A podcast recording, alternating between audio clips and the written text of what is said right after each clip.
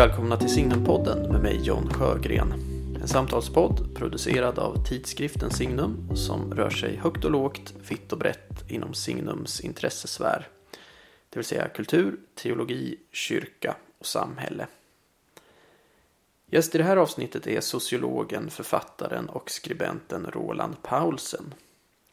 Paulsen är aktuell med boken Tänk om, en studie i oro som ställer frågan hur det kommer sig att det materiella välståndet välsignat oss på så många områden, utom ett, hur vi faktiskt mår. I boken tecknar Paulsen en bild av hur vår tids oro växt fram i takt med moderniteten.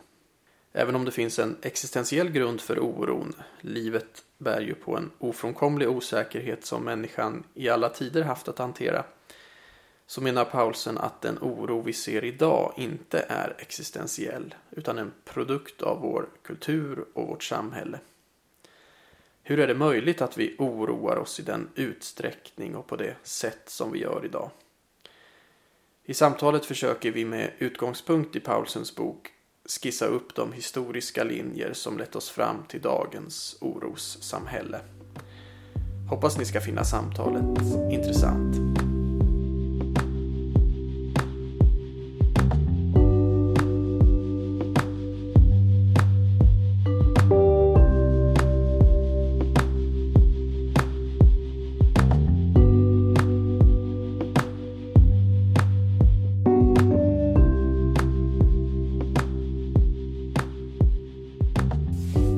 Välkommen till Signumpodden, Roland Paulsen.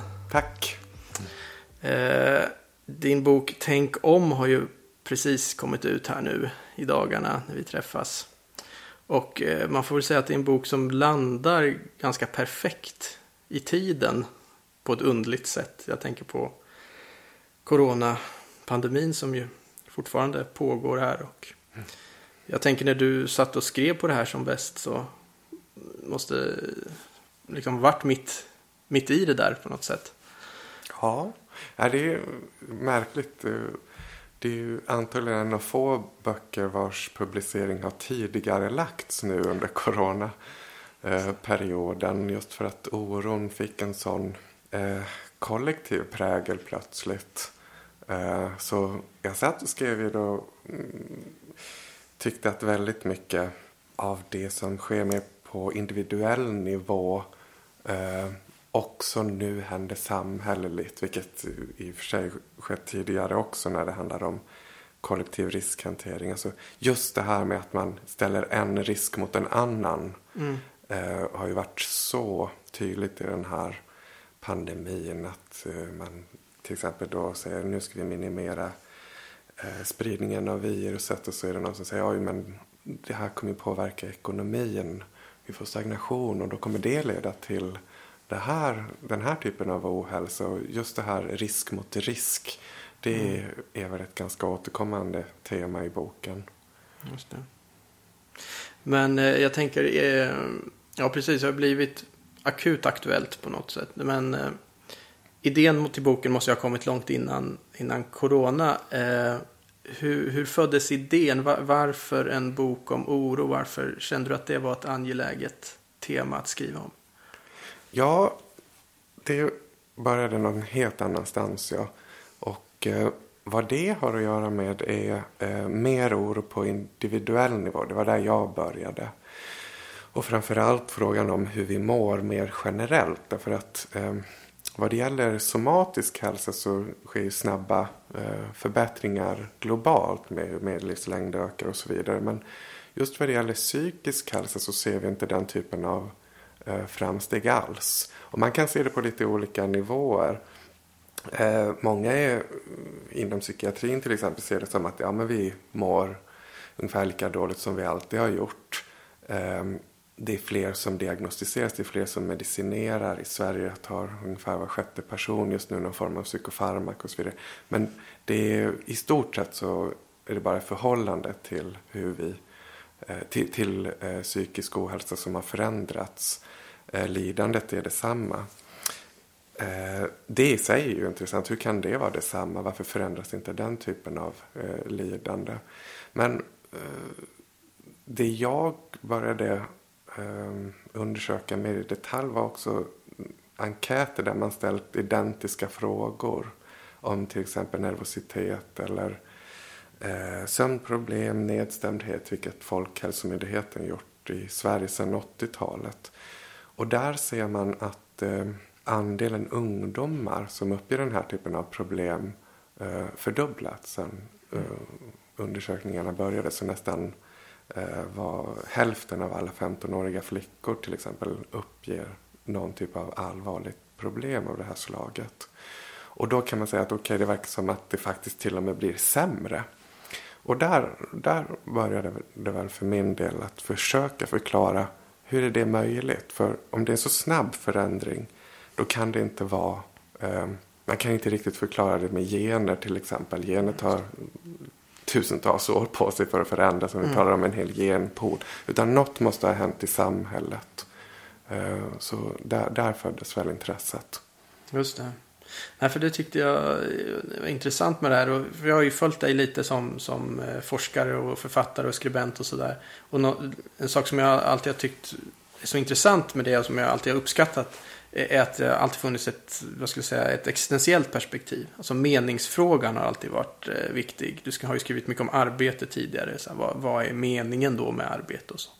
Eh, och när jag läste bara först om den här boken, att den skulle komma, så tänkte jag, ja, jag fortsätter på samma linje. Oro, det är ju liksom ett eh, djupt mänskligt problem. Det har vi ju alltid. Det är liksom ett evigt problem. Vi måste hantera att tillvaron är osäker. Och så.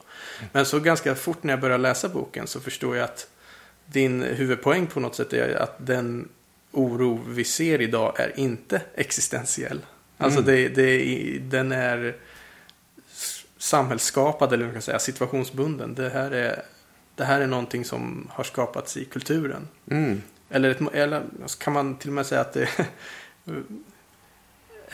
oron här som vi ser idag är ett barn av moderniteten på något sätt. Ja, det är väl min tes också skälet till att jag går tillbaka så långt i historien för att försöka förklara hur det ens är möjligt att oroa sig som, som vi gör idag. Mm. Men det är sant att där, det, det skiljer sig från hur många andra eh, angripit den här frågan. Och det är märkligt hur pass många olika eh, riktningar, filosofiska, religiösa, som ändå har den här gemensamma grundidén att lidandet är detsamma. Det är konstant genom historien. Eh, om det är från stoiskt håll eller om det är från ett religiöst kristet håll eller om det är existentiellt existensfilosofiskt. Eller det, det, finns så många som ändå har den här ingången. Eh, jag ser det som att eh, lidandet antagligen varierat mycket genom historien och att det i logiken är ganska oklar. Att det till exempel inte behöver följa Eh, materiellt levnads, levnadsnivå i någon högre grad. Mm. Däremot finns det en existentiell dimension i att eh, den historiska situation eh, vi befinner oss i den måste vi som individer på något vis eh, lyckas hantera och acceptera eh, som individer.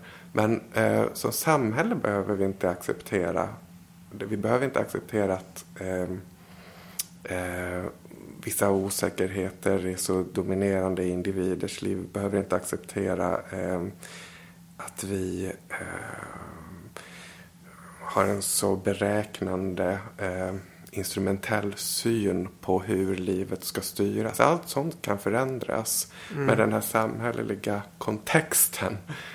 Hur man anpassar sig till den, det är ändå ett existentiellt problem. Just det. Nej men ja, precis, för så uppfattar jag ditt resonemang i boken också. Att det finns ändå någon slags existentiell grund för detta. Men sen handlar det om hur vi hanterar det.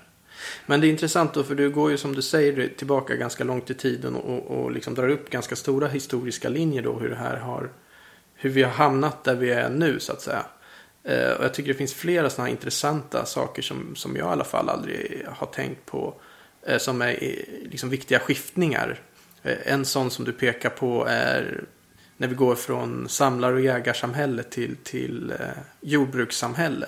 Mm. Att det blir en sån eh, stor förändring hur vi hanterar tid. För väldigt mycket av det här handlar ju hur hanterar vi tid. Och mm. kanske framförallt hur hanterar vi det här som faktiskt inte riktigt finns, alltså framtiden. Mm. Hur förhåller vi oss till framtiden? Och det blir en jätteskillnad där. Ja. Vill du utveckla lite där? Ja, eh, det, jag ser det som ett första steg. Jag ser det kanske inte som full, fullt avgörande för den, den moderna oron. Men eh, skälet till att jag ville fördjupa mig i det är att eh, jag tror de flesta inte reflekterar så mycket över eh, ens framtidshorisont. Alltså hur långt i framtiden vi ser och planerar eh, för våra liv. Både samhälleligt och individuellt. Ehm, Idag eh, när du till exempel får ett barn så kan du direkt börja oroa dig för okay, hur kommer det gå i skolan, vilken skola ska barnet gå i, kanske starta ett sparkonto och så vidare. Alltså vi, vi planerar för hundratusen år framåt när det gäller till exempel kärnkraftsavfall och sånt. Mm. Och det där är väldigt nytt alltså. Mm. Eh, och att kolla på jägarsamlarsamhället fyller en kontrastfunktion. Därför att eh, både från antropologisk empirisk grund och även om man föreställer sig det logiskt så kan man säga att där är framtidshorisonten mycket, mycket kortare. Man tänker kanske ett par dagar framöver. Och skälet har med eh, det materiella arbetet att göra. Alltså att om du inte kan planera för en skörd, om det du samlar ihop, jagar ihop, konsumeras ganska ögonblickligen, du har ingen lagerhållning eller så ja, eh, då finns det inget skäl till att planera för framtiden. Du, med jordbruket, då blir det plötsligt livsavgörande att kalkylera, försöka beräkna eh, för lång tid framöver eh, hur ditt liv och hur ditt arbete ska se ut. Men för en jägarsamlare så krymper tidshorisonten och det innebär en mer nu-centrerad tillvaro. Och vad det gäller oro då så minskar ju också utrymmet för eh, att föreställa sig saker som kan gå fel. Mm. Ju längre tid, ju längre framåt vi tänker desto större är rymden för att föreställa sig massa katastrofer. hur mycket som kan gå fel, ja. Mm. Det där är intressant, alltså, för jag tänkte på det där. Det, det, man, I alla fall när jag läste boken så blir man väldigt självreflexiv också. Jag börjar tänka på hur fungerar jag? Eh, och jag tänkte, jag kanske mentalt lever fortfarande som jägare-samlare. För att jag har ofta, här, som jag har ofta kallat en defekt. Att jag kan inte riktigt tänka längre fram i tiden än två, tre månader. Mm. Och, och det där har jag tänkt, det där är en jag brukar alltid liksom kalla det en defekt. Liksom, för att det är, det är, så svårt för mig att planera. Så här, vad ska vi göra om ett halvår? Eller vad, så en lång tid. Det är jättesvårt för mig. För att det, det finns liksom inte riktigt. Eh, men efter att ha läst din bok så, så börjar jag tänka att det där kanske inte alls är en defekt. Utan det där kanske är ganska sunt. Ja, det är ju otroligt eh, återkommande råd. Eh, ja, men inom religion som buddhismen eller nu med den här mindfulness-industrin vi har fått eh, samhället. Att, eh, att vara i nuet mm. är eh, något viktigt för att till exempel då kunna eh, värja sig från sånt som oro.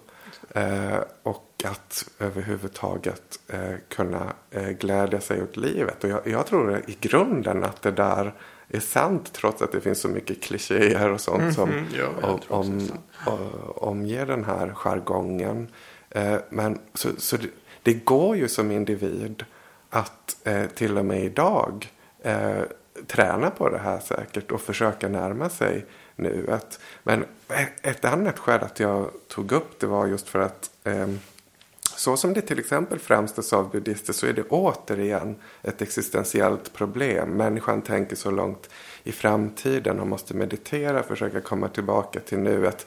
Då kan hon närma sig en, helt annan syn på världen, till, rent av bli upplyst. Mm. Där, där, där vill jag bara protestera och säga att där det är inte ett existentiellt problem på det sättet. Och det, det är kanske till och med så att människor tidigare inte ens haft behov av att meditera för att vara i det här nu-tillståndet som, som faktiskt är åtråvärt. Mm. Ja, det är intressant.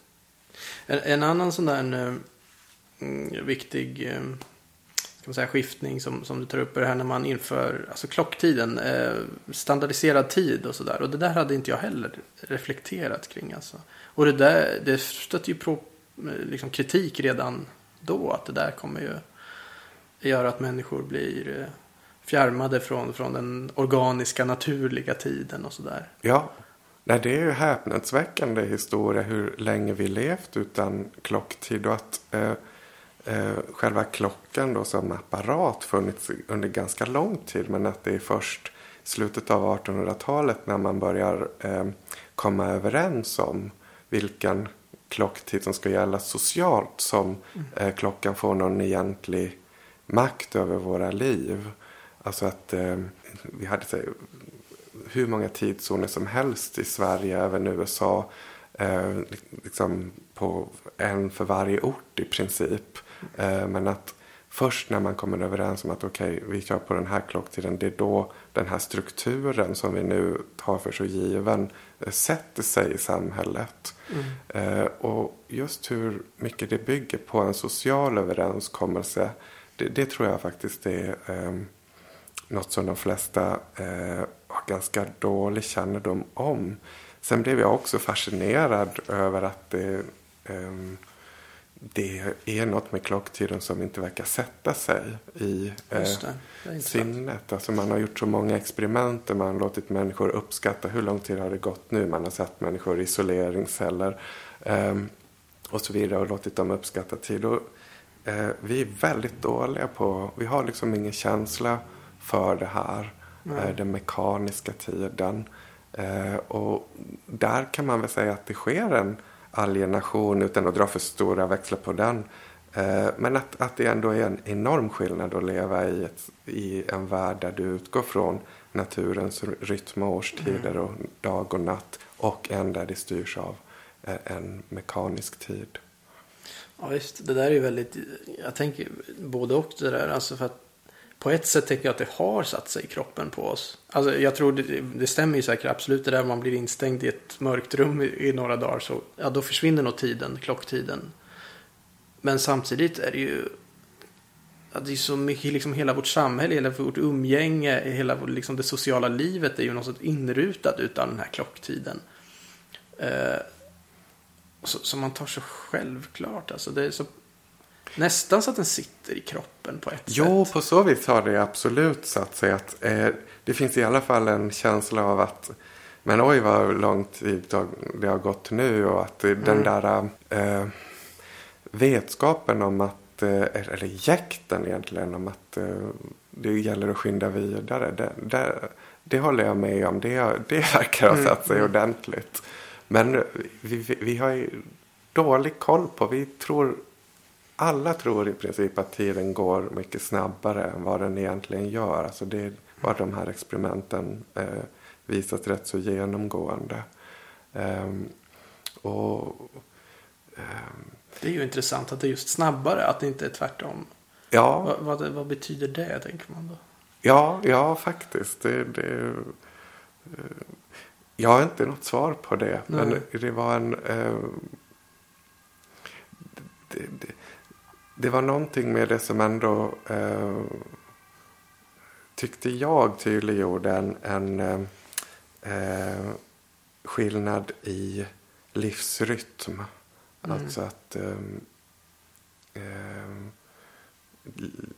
livet efter årstiderna är, är, så pass mycket mer eh, grundat i en, i en eh, erfarenhet. Mm. Eh, Medan den här klocktiden är ganska obarmhärtig. Och det är intressant också med kulturer hur man eh, annars också kunnat bestämma att okej okay, nu är det den här högtiden och när infaller den? Ja den infaller när vi bestämmer att den ska högtid. Alltså även kalenderåret eh, har varit mer flytande och ehm, eh, avhängigt beslut snarare än något som bara pågår eh, oavsett vad vi vill. Mm, intressant. Sen tror jag ju att alla känner igen den här upplevelsen också av att tiden försvinner. Alltså när man är verkligen uppe i någonting helt. Man är koncentrerad i något arbete eller när man verkligen går upp i någon, liksom, någonting man gör så säger man ofta att liksom, tiden försvinner. Mm. Och, och det, det är ju något djupt sant i det. Alltså för att då är det som att den här klocktiden, man, ser igenom den, liksom dess eh, konstruerade karaktär så att säga. Ja, att, att den är inte riktigt verklig utan den är, man är i det här liksom riktigt koncentrerade tillståndet. ja, Då är man mer förankrad i, i den verkliga tiden då kanske. Ja, jag skulle säga att det är små mini-uppvaknanden vi har då och då. Där vi sugs in i det som sker i nuet. Mm.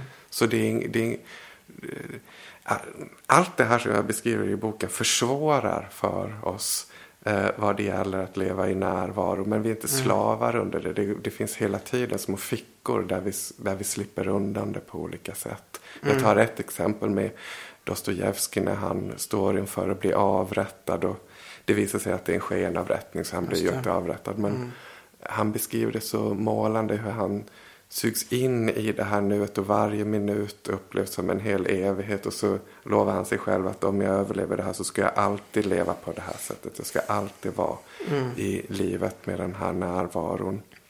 Vilket han såklart inte sen är utan han håller på med spelmissbruk och allt Ja. möjligt för att försöka ta sig dit. Men, men det, det, det, Nej men det tänker jag är den negativa sidan alltså av det här att, att vi, vi, det är en sån stark känsla att vara i den där tidlösheten. Och mm, jag tänker mycket av liksom så här drogproblematik och, och, och beroendeproblem, att man söker det där va. Eh, men man går bort sig då på vägen på något sätt. Och, Ja, ja, det är ju ett helt kapitel i boken med eh, eh, beroendeforskning och hur ehm, eh, de- den debatten som finns inom beroendeforskning kring vad, hur missbruk eh, blir till och vad det är som egentligen söks. Är det bara en farmakologisk eh, toxisk eh, förgiftning som det handlar om eller handlar det om individer i väldigt besvärliga situationer där man söker efter den här typen av paus eh, som då kan gå via droger. Det, det är en intressant diskussion som jag innan jag skrev boken inte hade någon större eh, kännedom om. Men jag intervjuar ju en person då som, eh, som tagit till med psykedelika för att komma in i en väldigt närvaro. Eh, och som då gör 20 ayahuasca-resor eller något sånt på ett par år. det är ju väldigt många. Det är väl så att man kanske gör en per år om man är...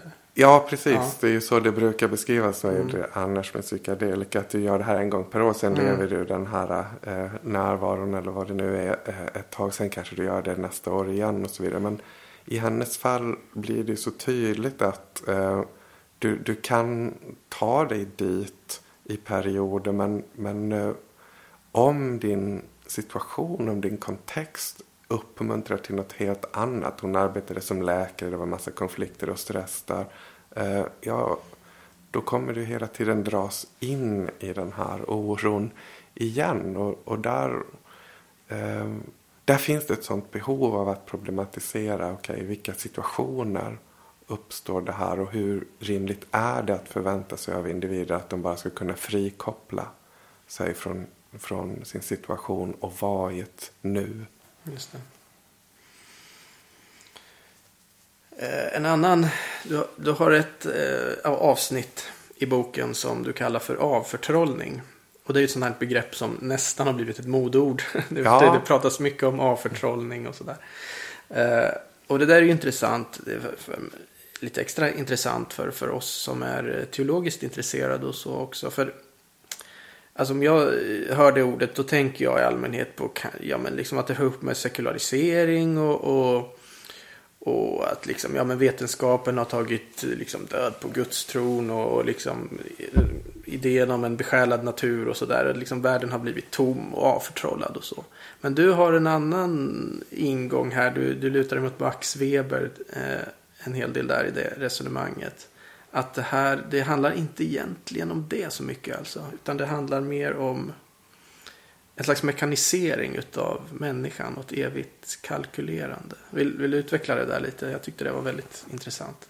Ja, eh, det har kommit så mycket kritik av Weber på sistone just för att eh, man talar om en återförtrollning. Det är väldigt många som eh, är troende till exempel kan framhäva. Det finns alla möjliga eh, eh, trosföreställningar om eh, ja, tomtar och troll inom citationstecken. och så ser man det som att här ser ni, det är en återförtrollning. Vi är inte alls avförtrollade. Men eh, vad Weber talar om när han eh, myntar det här begreppet är ju eh, en syn på världen eh, som i princip kalkylerbar.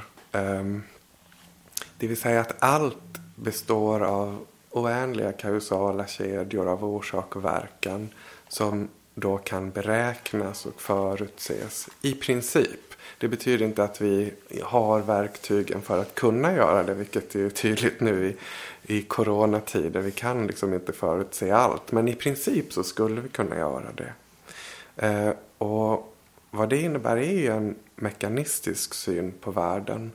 Det vill säga att eh, allt styrs av orsak och verkan och även vi själva, vilket kanske är det mest centrala, är också bara knippen av orsak och verkan. Mm. Och våra psyken är orsak och verkan. Man kan se det, man kan formulera det på olika sätt. Om man vill ha det psykoanalytiskt så är det olika drifter och konflikter som eh, styr oss. Man kan ha en mer eh, neurobiologisk utgångspunkt att vi, det är vår hjärna som då styrs av orsak och verkan som bestämmer hur vi beter oss och hur vi mår. Um, och, och, det finns inget bortom det här. Mm. Så det finns ingen handling till exempel uh, som människan kan ägna sig åt som är bortom uh, den här uh, kausala modellen. Um, och där, där i ligger avförtrollningen. För det som händer då är att eh, världen blir i princip död. Alltså det, det är en död materia alltihop. Mm. Eh, och så som jag och antagligen Weber också skulle definiera liv eh, som någonting som bryter mot allt det här. Som kan sätta nya kausala eh, kedjor i rörelse och så vidare. Det, den typen av subjektivitet får inte plats där. Mm. Det är en teori som jag tror vi tar för givet så fort det handlar om um, naturen till exempel. Mm. Uh, om vi talar om djur så är det ganska uh, vanligt att man ser det som att okej, okay, men det finns instinkter här, de beter sig enligt dem. De har ingen agens bortom det. Möjligen så, vissa då skulle kanske säga att jo men det har människan, men de har det inte. Mm. Och där skrapar jag väl lite på ytan bara till, vad det gäller den föreställningen och försöker visa att okej, okay, men eh, även där om man går till etologin, alltså forskning om djurs beteenden så verkar det som att djur kan till exempel vara kreativa på sätt som verkar omöjliga att eh, eh, på något vis vara instinktstyrda. Så man har mm. i experiment då utsatt djur för olika uppgifter och sett hur kan ni lösa det här. Och eh, de kan lösa det. De verkar ha en kreativitet som inte tycks vara då naturligt förprogrammerad. Man har till och med sett hur djur eh, kan bete sig olika inom arter i olika delar av världen. Alltså hur det till och med kan finnas kulturer till exempel. Eh, jag tar väl exemplet med kråkorna i Japan som lär sig knäcka nötter på ett visst sätt genom att släppa dem på vägen. Eh, vänta tills att bilarna kör över sen när det slår om rött och trafikljuset så eh, flyger de ner och hämtar nötterna. Man har bara sett det i Tokyo och några andra ställen i Japan. Man har inte sett det någon annanstans i världen. Mm, och, och där liksom, redan där kan man säga att okej okay, men hur eh, förprogrammerat kan det vara? Mm. Och, och det är den, då den här eh, liksom, mekaniseringen då utav tillvaron och människan som på något sätt har gjort det där att vi hela tiden gör riskanalyser och så. Alltså det, det är så man, du kopplar det till oro eller? Ja, precis. Mm. För att eh, eh, vad är en risk? Ja, det är ju en eh, kausal analys eh, där du eh, ser eh, sannolikhet för att något kan gå fel. Så det bygger på en, en kausal modell. och precis, det är ingången. Alltså till eh, oron. Därför att i oron så förhåller vi oss alltid till en risk av något slag. Mm. Eh, och i oron så gör vi de här kausala beräkningarna hela tiden. Eh, i syfte om att bli av med oron. Antingen genom att komma fram till att okej, okay, men det där är nog ingen risk, det är nog ingen fara. Eller eh, för att komma till ett beslut. Vad ska jag göra för att avvärja den här risken? Mm. Och eh, vi går till pandemin igen nu så kan man se hur det där tar aldrig slut. Alltså vi har en, vi har en hel vetenskap, epidemiolog, epidemiologin, för att beräkna den situationen vi befinner oss i. Vi har instrument, data, allt möjligt, hundratals experter som bara utbildat sig under mm. lång tid och varit verksamma för att hantera en situation som det här. Eh, men experterna är inte överens. De, ehm, de sätter olika risker mot varandra eh, och eh, de är väldigt på det klara med att om vi undviker en risk så riskerar vi att skapa nya risker och så vidare. Mm. Så att det är otroligt komplicerat att beräkna risker när det kommer till annat än maskiner. När det kommer till samhälle och mänskliga relationer eh, så är det väldigt svårt. Och när då en individ försöker tillämpa den rationaliteten på sitt privata liv. Mm. Ja, då blir det väldigt komplicerat. Mm. Det, eh, det, finns en annan aspekt här som, som jag funderade på lite när jag läste boken. Eh, och som jag vill liksom slänga ut här och testa, testa lite på dig. Eh, eh, du, du snuddar lite grann vid det i boken kan man säga. Men det, det, är något som jag ofta har, har skrivit en hel del om och i olika sammanhang och sådär. Och det är den här filosofiska grundhållningen som jag upplever finns idag. I synnerhet kanske i, i, i vår generation. Och eh, det är det här att livet i grunden är meningslöst. Och att det är upp till den enskilda individen att, att så att uppfinna en, en, e- en mening med sitt liv. Eller egentligen en mening med hela tillvaron. Eh, och det där kommer ju lite då, du, du snuddar vid Sartre, tar upp Sartre i boken och det, det här kommer ju lite från honom då, existensen föregår essensen. Det är ju liksom egentligen bara ett snofsigt sätt att säga att livet inte har någon mening. Eh, och jag tänker ju att det där, ja som sagt jag upplever det som en filosofisk grundhållning hos många människor idag. Och jag tror att det där är väldigt destruktivt alltså. Och att det, det är en oerhört, för det första tror jag inte att det är sant. Eh, för jag tror att livet har en mening. Eh, som vi inte måste uppfinna utan som vi faktiskt upptäcker. Livet är, är liksom eh, en upptäcktsfärd, ett äventyr där vi, där vi upptäcker mening. Eh, men sen är det ju då också, det är en sån oerhörd börda att lägga på människor. Så du måste uppfinna hela livets mening själv. Och det finns inget objektivt eh, gott eller så att söka. Utan det är upp till det enskilda subjektet så att säga. Att att uppfinna det där. Och jag tänker att det där är kopplat på något sätt till hela den här problematiken du försöker ringa in i boken med, med den här psykiska ohälsan och den här liksom, ständiga oron och så. Mm. Att det där är någon slags liksom, grund för alltihop det där. Jag vet inte vad du tänker om det. Ja, alltså jag tror att eh, riskminimeringen är som en, en sekulär form av eh, mening som präglar eh, inte bara individers liv utan även politiken idag. Alltså nästan all politik handlar om riskminimering.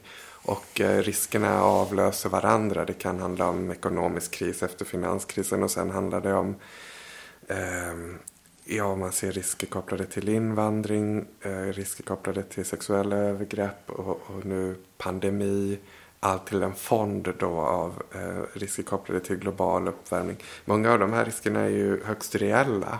Eh, men det är intressant hur de hur vi absorberas. Alltså, nu som en risk i taget. Mm. Eh, och att eh, höger och vänster i politiken blir mycket en fråga om att ställa olika risker eh, mot varandra. Så att eh, högern kanske då talar mer om det här med ekonomi och, och invandring, vänster mer om global uppvärmning, typ. Mm. Eh, och jag tror att det där är ett symptom på vad du nämner, delvis i alla fall. Alltså att eh, i de här riskerna, eh, i riskpolitiken så finns värderingar, men de är dolda. Ehm, eh, till och med vad det gäller pandemin nu så kan man säga att ja, det är säkert etiskt rätt att göra som vi gör. Eh, men eh, varje år dör en och en halv miljon i tuberkulos som sprids på ungefär samma sätt som corona. Och om vi var beredda att sätta hela bruttonationalprodukter på spel för att minska den spridningen så skulle vi kunna göra det. Mm. Men vi gör det inte. Och varför? Jo, där ser man hur världen skymtar fram i riskanalysen. Att det är fel människor som dör i eh, tuberkulos. Det är fattiga i andra delar av världen. Så att, Ehm, att försöka tydliggöra världen i riskanalysen har varit en ambition med den här boken. Eh, och se och försöka också beskriva den här instrumentella rationaliteten som ett värdesystem i sig. Som kan ifrågasättas. Eh, sen eh, kan man ju gå ännu längre och eh, se det som, okej, okay, vad är alternativet? Alltså, eh, när vi då söker en mening, eh, handlar det bara om vad eh, vi kollektivt, individuellt ser som eh, eh önskvärt? Eller finns det någon djupare, mer objektiv form av mening? Och det är ju det är väldigt svårt att, att ge något entydigt svar på vart den mm. meningen i så fall skulle finnas. Men en sak jag... Ett parti i boken där jag ändå närmar mig den frågan rör ju detta med acceptans. Mm. Alltså att um, så mycket inom terapin idag, psykoterapin har um, anammat en buddhistisk grundhållning. Där man istället för som tidigare ser det som att okej, okay, du har det här symptomet, du har den här oron, eh, du har det här psykiska problemet. Nu ska vi bli av med det. Mm. Mer och mer säger okej, okay, eh, hur ska du kunna acceptera det här i ditt liv och samtidigt leva ett meningsfullt liv? Mm. Eh, alltså mer och mer i psykoterapi verkar gå i den riktningen att istället för att bli av med problemet, lära sig leva med problemet. Mm. Och i acceptance commitment therapy så är den här acceptansen då kombinerad med något man kallar för värderad riktning. Alltså att du ska eh, hitta någonting du vill göra och sen ägna dig åt det och sen var din oro eller din ångest eller ditt problem än eh, säger så håller du fast vid den här riktningen. Mm. Men något som man inte riktigt får hjälp med där det är ju hur väljer man en värderad riktning? Mm. Alltså Går det tillbaka till eh, de tidiga existentialisterna? Jag menar det finns undantag inom existentialismen. Mm. Viktor Frankl är ju ett undantag. Han har ju mer sån syn som du har. Att Absolut. meningen är något man hittar snarare än uppfinner. Mm. Eh, men men eh, eh där ser jag det som att eh, eh, vi lämnas lite därhän och att eh, den värderade riktningen kan vara allt från en hobby till att vara en god förälder. Jag tycker att vi borde ställa större krav på oss själva där faktiskt. Mm. När det gäller hur väljer vi den här riktningen? Vad, vad är det vi ska ta spjärn emot? Vad är det för analys eller för värderingar vi bör utgå ifrån? Jag tycker det är intressant också då eh, när du liksom kommer in på hur, hur ska man då hantera det här och hur ska man hantera den här ändå ofrånkomliga osäkerheten som, som livet innebär. Och vad, vad är liksom det hälsosamma sättet att, att hantera de här frågorna? Och då hamnar du ju ofta i de stora klassiska vishetstraditionerna. Alltså de stora världsreligionerna. Det är, det är ganska mycket Buddha men eh, det, det, citerar Jesus också. Eh, så att på något sätt känns det som att vi, vi som mäns, mänskligheten som kollektiv ändå har någonstans vet vi hur vi ska hantera de här sakerna. Ja, alltså på så vis kan man ju nästan se det som existentiellt eller i alla fall att vissa grundfrågor följt människan under, under lång tid. Um, ett, ett parti i boken som jag tog bort handlade faktiskt om uh, eh, Luther som flera i efterhand, det är ju väldigt slarvigt, man vet inte hur det var, men som flera i efterhand diagnostiserat med någon form av tvångssyndrom, att han i alla fall under en tid i sitt liv var väldigt bekännande. Han, han liksom, det tog aldrig slut där i biktstolen. Han bara fortsatte och fortsatte. Jag blev irriterade på honom för att det fanns liksom inget att bekänna heller. Mm. Um, och han, uh, han har ett parti där han beskriver mot slutet av sitt liv hur han hanterar det han kallar för djävulens beskyllningar uh, med en form av exponering där djävulen kanske säger du har ja, djävulen är väl antagligen då en metafor för självanklagelse. Du har begått den här och den här synden. Då säger han, ja glöm inte den här, jag har gjort det här också. Mm. Uh, och, uh, det är en form av exponering som används mycket inom psykoterapi idag. Och det där har jag tyckt varit väldigt intressant att se hur metoder som man eh, verkar ha använt sig av under lång tid i religiösa sammanhang eh, sekulariserats och återkommit som psykoterapi mm. eh, idag. Eh, och säkert eh, många gånger effektiv psykoterapi. Mm. Men ibland på ett lite, om man ska säga förenklat, lite urvattnat sätt. Men man tänker mindfulness och det är någon slags buddhism light kan man ju säga, eller? Jo, precis. Och det är väl det också som är eh, det är nedslående att vi, vilken visdom som helst kan korrumperas och användas i något helt annat syfte. Mm. Så eh, den här betoningen av mindfulness och acceptans idag eh, används till exempel ofta i, i eh, managementsammanhang för att till exempel göra anställda glada vilket i princip bara resulterar i att man talar om för dem vikten av att acceptera den här eländiga arbetssituationen. Ta de här tre djupa andetagen och så vidare. Eh, så det förmedlas ofta i, i, i korrumperade former men, men äh, inte alltid heller. Jag tror i, i viss psykoterapi att det faktiskt finns verktyg man kan har glädje av. Samtidigt som det är så att eh, de länder där behandling är, är liksom ojämförligt mest eh, utbrett både vad det gäller medicinsk behandling och psykoterapeutisk behandling också är de länder som har absolut störst problem. Vilket mm.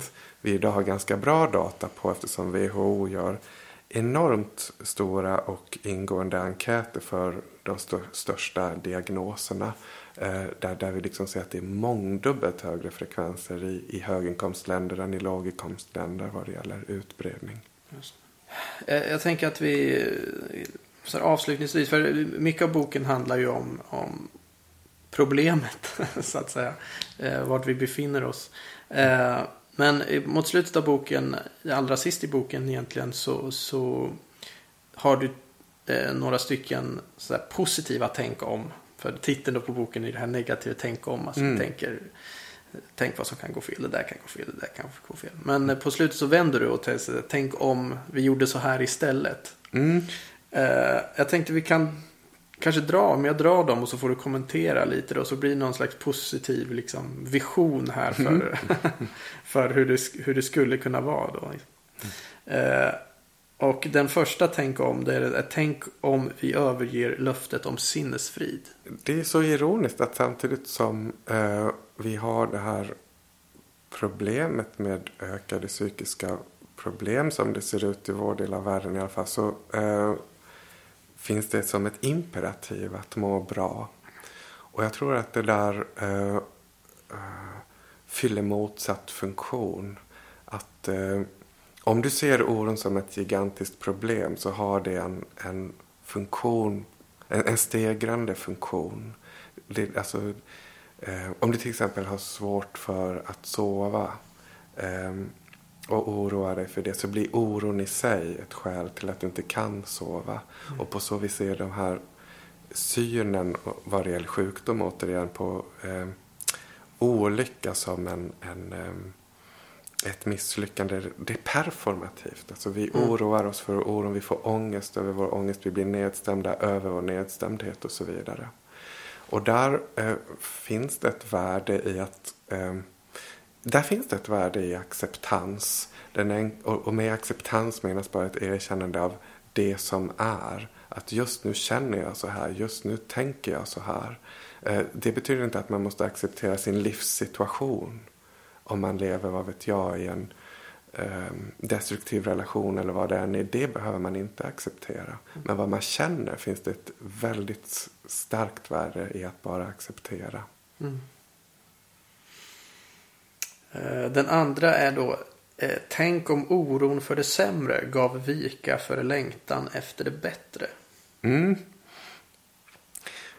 Och det bygger på um, det jag kallar för kontrafaktiskt tänkande. Alltså att, um, vår föreställning om det som skulle kunna vara idag är så centrerad kring risk och saker som kan gå fel. Eh, vilket vad det gäller politiken då är, är så märkligt. För politik handlar i grunden om vilket samhälle vill vi leva i. Och politik har tidigare, om vi ser till de reformer som verkligen lett någonstans, handlat om risktagande. Så varje gång vi har utvidgat rösträtten till olika grupper i samhället. Kvinnor, människor som tjänar lite, personer med funktionsvariationer till exempel.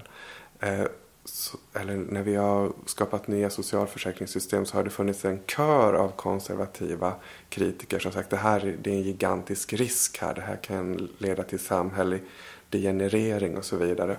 Eh, men man har ändå tagit den risken. Och inte för att man har sett någon annan risk med att inte införa det här. Utan för att man har sett det som att det finns ett etiskt egenvärde i det här. Eh, det här är eh, mer i linje med det vi uppfattar som moraliskt. Mm. Just det. Eh, den tredje är då, tänk om tidsmedvetandet ännu är öppet för omdaning. Mm. Jag ser det ju som att tidsmedvetandet är så eh, knutet till eh, arbete och hur vi eh, lever dagen på ett eh, ja, eh, vardagligt, alltså vad vi gör och hur vi strukturerar vardagen. Eh, och som det är nu, så, som vi varit inne på, så har tiden en otroligt strukturerande funktion i hur vi värderar arbetet till exempel. Att vi får betalt per arbetad timme och så vidare, vilket är något historiskt sett väldigt nytt. Eh, men också i hur Eh, mycket av vår tid som upptas av arbete, vilket jag anknyter till vad jag skrivit om tidigare. Och där finns det idag en sån potential att eh, minska åtminstone den här arbetstiden i våra liv som har att göra med en snabbt ökande produktivitet som då eh, ironiskt nog har, är knutet till den här rationaliteten eh, som i politik och i individers liv skapat så mycket problem men som eh, när det kommer till maskiner och ny teknologi haft en revolutionär eh, effekt på hur vi lever. Så det finns en potential där menar jag i eh, att kanske komma tillbaka till en ganska ostrukturerad vardag tidsmässigt eh, som vi inte har löst in än. Mm. Uh, sen har du då tänk om tankarna blir allt mer verkningslösa. Precis. Uh, det finns uh, flera tecken där som man kan utgå ifrån. Jag menar, eh, det är ingen brist på opinion i vårt samhälle om man säger så. Mm. Vi, har, eh, vi har dels då våra traditionella etablerade medier där eh, opinion uttrycks liksom på löpande band. Men vi har också sociala medier där opinion finns i, i överflöd. Och frågan man kan ställa är okay, hur stora samhällsförändringar har det här lett till? Hur viktigt är det vad vi tänker?